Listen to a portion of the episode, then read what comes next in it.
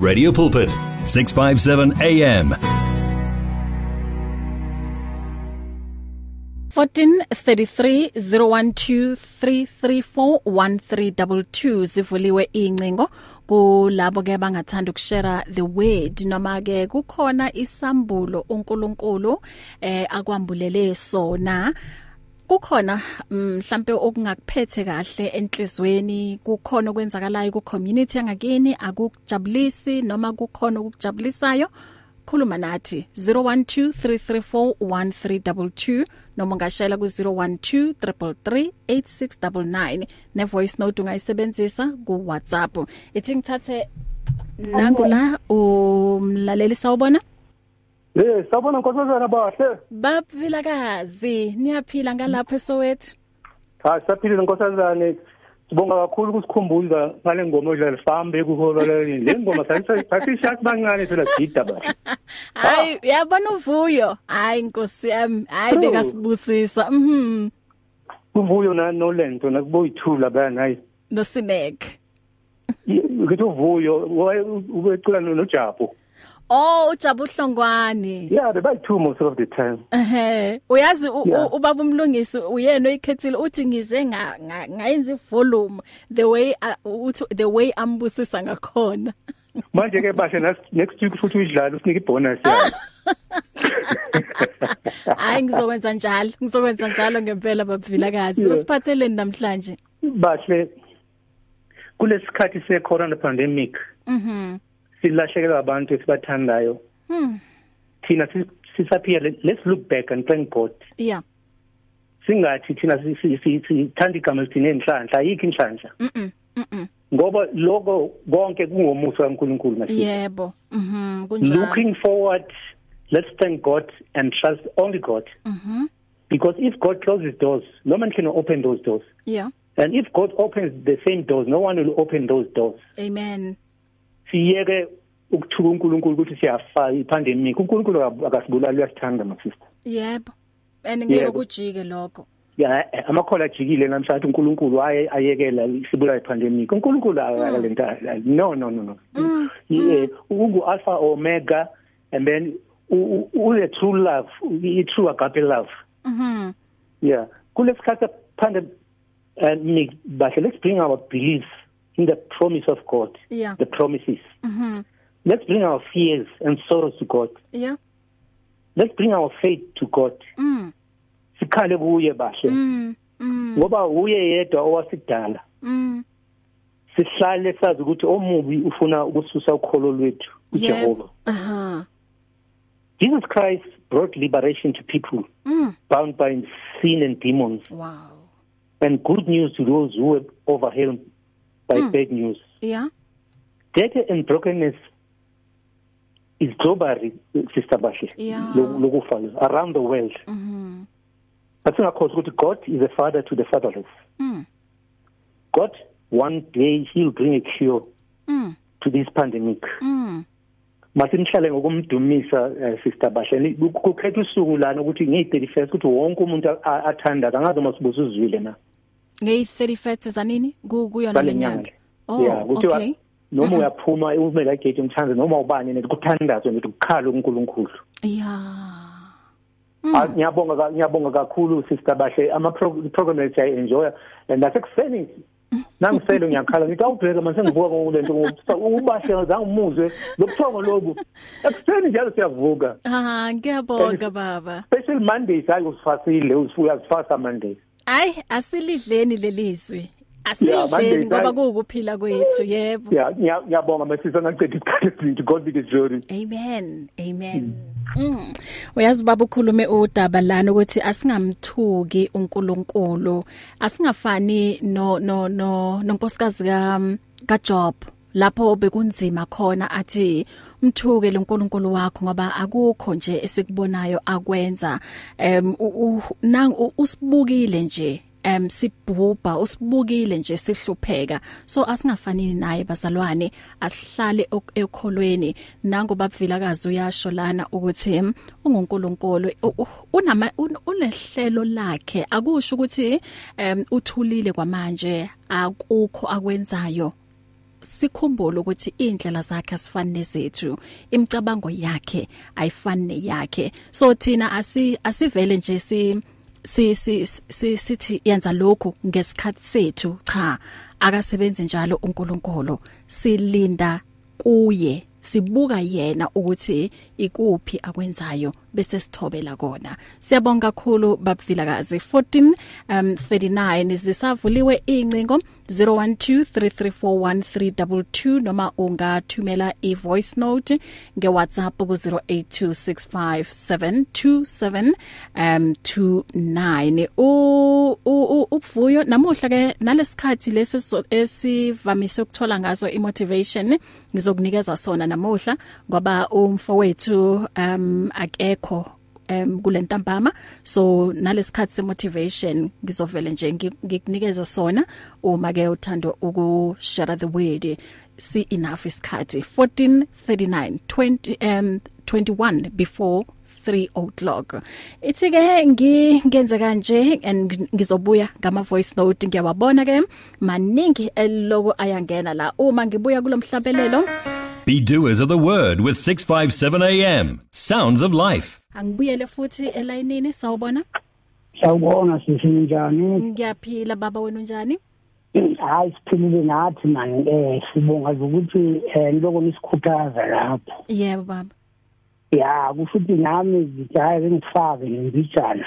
Mhm mhm. Eh ngoba ikuyona into enkulu kakhulu ukuthi sibambelele kuJesu sisizimo noma singakanani. Yebo. Mhm. Ngoba sikho isinto esingaphezulu kwakhe. Yebo. Ya kusho ukuthi nakuba Roma ngithi yasho incwadi ukuthi yini engasehlukana nothando kaNkuluNkulu kuJesu. Ngabe ukufa noma ingozi na. Ngithi akukho okusahlukanisa noJesu. Mhm. Naphezulu kwazimo zonke ezikhona ngoba phela lokhu okuvela manje izinto ezaziloko zikhona aziqali sizo. Yep. Mhm. Aziqali ngoba umhlaba leso kuwo phela uNkulunkulu wawuqalekisa kuAdam. Mhm. manje le ndawo esihleli kuyo vele indawo engalunganga uJesu phela ngeke eze ube yayilungile le ndawo Mhm. weza uJesu la ngoba uNkulunkulu ezama ukuthi alungise manje alungisele uhlelo olusha lo luzoba khona ekupheleni kwezwe eh ithi ke iBhayibheli singanako kwenzeka emhlabeni kakhulu sihlale kuJesu kona kuthina ukufunekayo sesi ngoba izimo ngeke sizisuse ngoba kwaba kwaqalekiswa kudala Yebo baba ngiyakuzwa. ya ngiyabonga lesisi wami nibe ngakheke lapho kopulpit Amen. Ubaba bani? ubaba uVelde Pierre ubaba Oh. Siyabonga Yeah. baba. God bless you. Okay. Okay. 0123341322 njoba ngishilo ukuthi lesikhathi semotivation ngikunikeza sona ke namuhla until 3 o'clock. Zivuliwe incingo noma ungathumela ivoice note unamazwi e encouragement ungathanda ukukhuleka nathi eh khuleka nje ushaye kuleyo number 0123341322 noma ku 01233386 99 asiye la ke kuma voice note. Bingelela bahle egameni lika Jesu waseNazaretha ukhuluma nophindile umthandayo uNkulunkulu. Mina nje kuhlele kimi ukuthi ngizoshara nje ngoJames uchapter 4 uthi don't uthi don't boast about tomorrow. Thi mangibheka kunabantu besinabo sebesishila emhlabeni. So ngifuna ukukhuthaza nje ukuthi kusasa lethu sezandleni zikaNkulunkulu. Thina esisasele funeke simthande uNkulunkulu more than ever. Ngoba izwi kaNkulunkulu lithi yena uyazi. Abazohamba ku2020 bahambile nabazohamba ku2021 uyabazi so let us be strong bahle simove on sibheke uNkulunkulu emcala sinomphilelisi amen. Amen. Siyabonga mamphindile ngalamazwi lawo. Um a encourage ayo ngempela. Asilalele futhi nansi enye ivoice note? Eh sisibahlenge kubingelela entambama ngegama lenkosi ethu Jesu Kristu. Sisimahlengi nezwi lapha ikulapho kwebase Efesi ku chapter 6 lapha ku verse 11 lapho athi khona uNkulunkulu hlomani izikhali zonke zikaNkulunkulu ukuze nibe namandla. Okumelana namachinga kaSathane. Sengathi singahloma sis eh, sisibahle izikhali sizokwazi ukumelana nesimo usathane asihace ngaso kuningizimu Afrika yonke. uNkulunkulu nakulesimo sesenkosi uzosithwala sizondlula lesimo. Sengathi singafunda ukuthi konke kusehlelayo kuyandlula. uNkulunkulu nathi uyasithanda angeke asiyeke angeke asiyekelele. Sengathi nomndeni wami wonke ungahlaba ungahloma izikhali ukuze sikwazi ukumelana eh, namachinga kasathane. Ngiyabonga sisebahle uthabile eduduze Nigel ngihleli nawe sikumamele kuze kuyoshaya lo hora bye.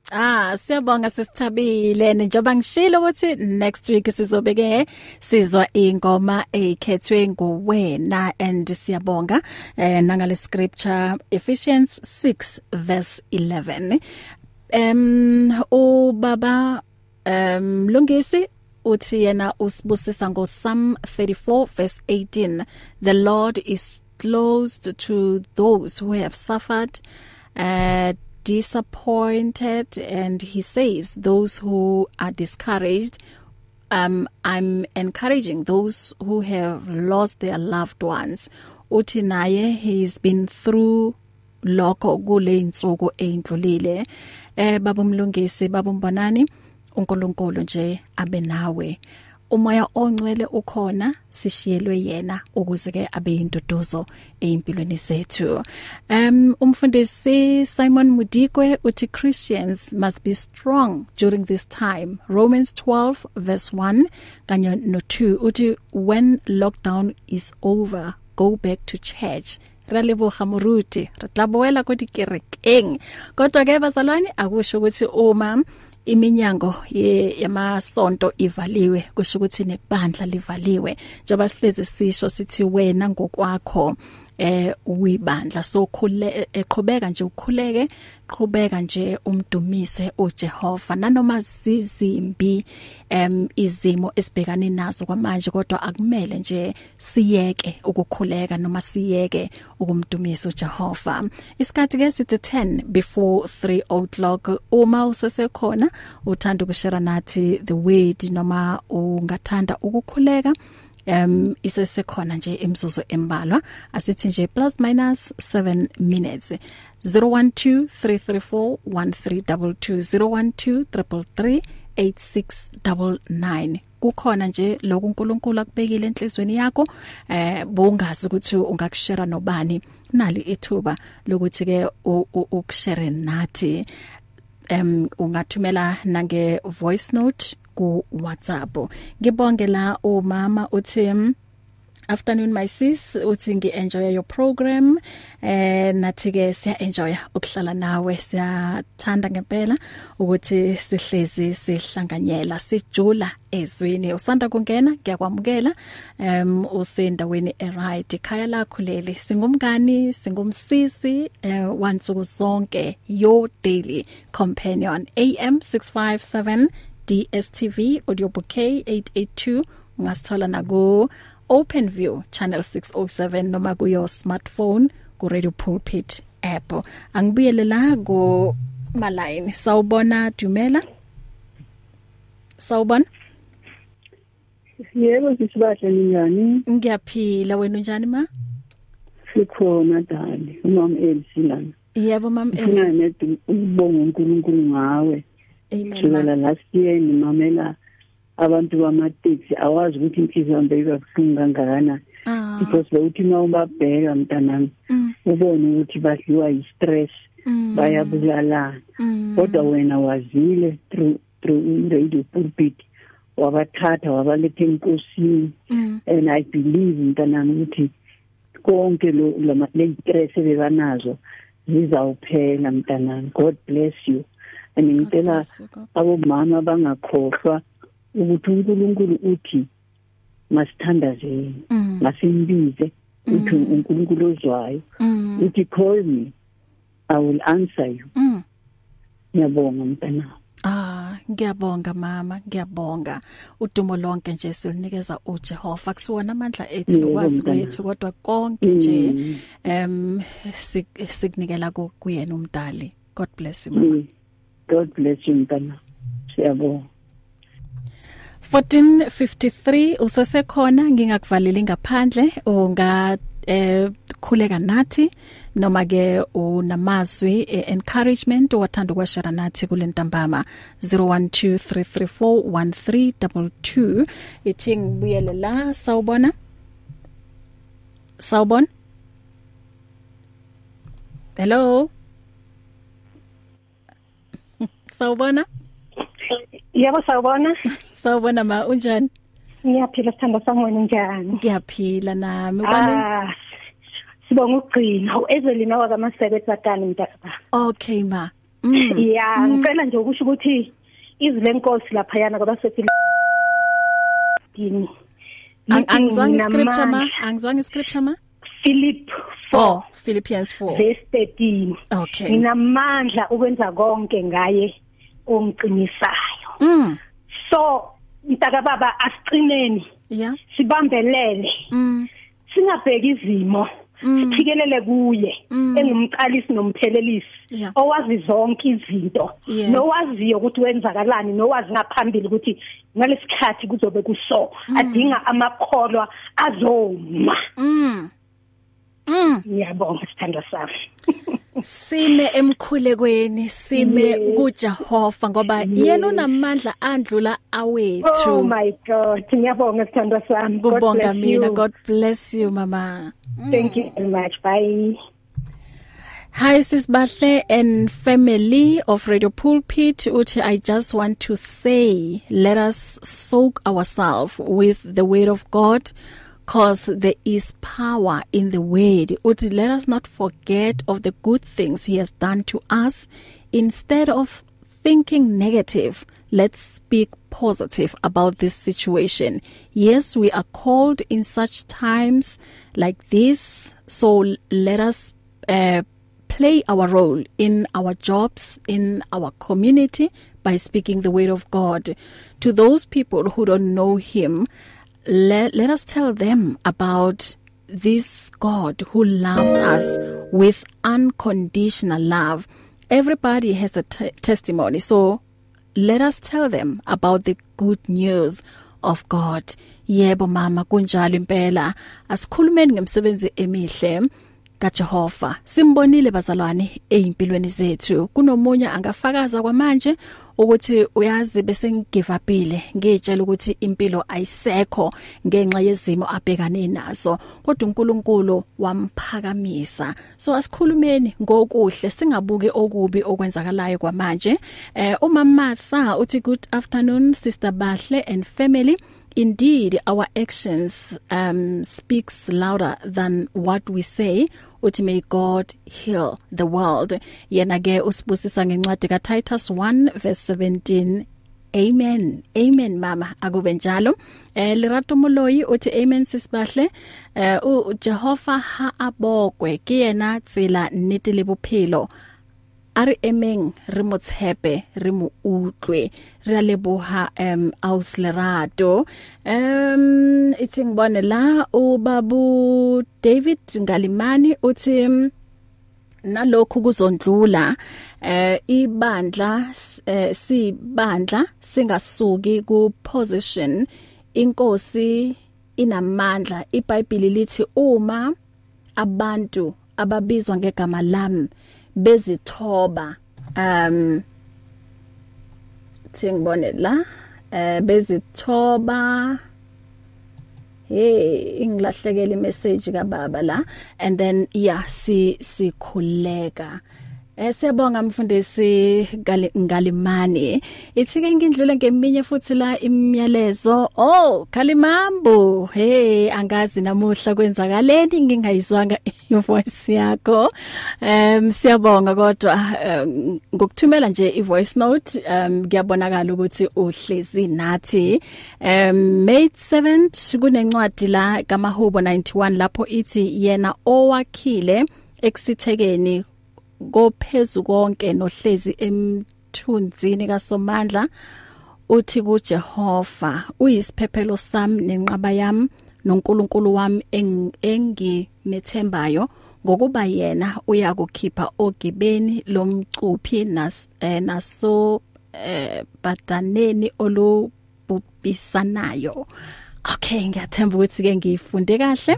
Hi bahle uthi proclaim this among the nations. Okay em ubaba umam Gadebe siyabonga ngayo yonke lemiyalezo eyimvuselelo imiyalezo esikhuthazayo. Asiqhubekeni ke sikhuleke bazalwane sikhulekeni eh ngoba kunamandla emkhulekweni. Um umam ubaba Gadebe la uthi this is a time and season of preparing war. Wake up. Um the mighty men prayer warriors let all the men of war draw near to the throne of God with all boldness and confidence in order to receive in time of need. Uthi beat your plowshares into swords. Let the weak say i am strong Joel 3:9 to 14 siyabonga bamkhatebe ngaleso scripture esihle. Ithi ngidlule ngala? Uma ngibuya siya ku 3 songs in a row. And ungakhohle ukuthi after 3 uzobe ekhona la. Usigegede. Ubaba uSipho Prince enhlapo eh sizohlala naye um after 3 o'clock until 4 It's difficult to face the overwhelming pressures of life alone. Sometimes we just need someone to talk to, someone to listen to us. And what better way to do that than through a quick and easy WhatsApp text? Whether you're having a hard time coping with school, family issues, being bullied, depression, or anxiety, speak to someone who cares today. Send a WhatsApp message to 064 530 6805 or 074 995 9085 Our I Am Youth Counseling team, Charles Dudoy and Danny Vambili, are ready to connect with you today.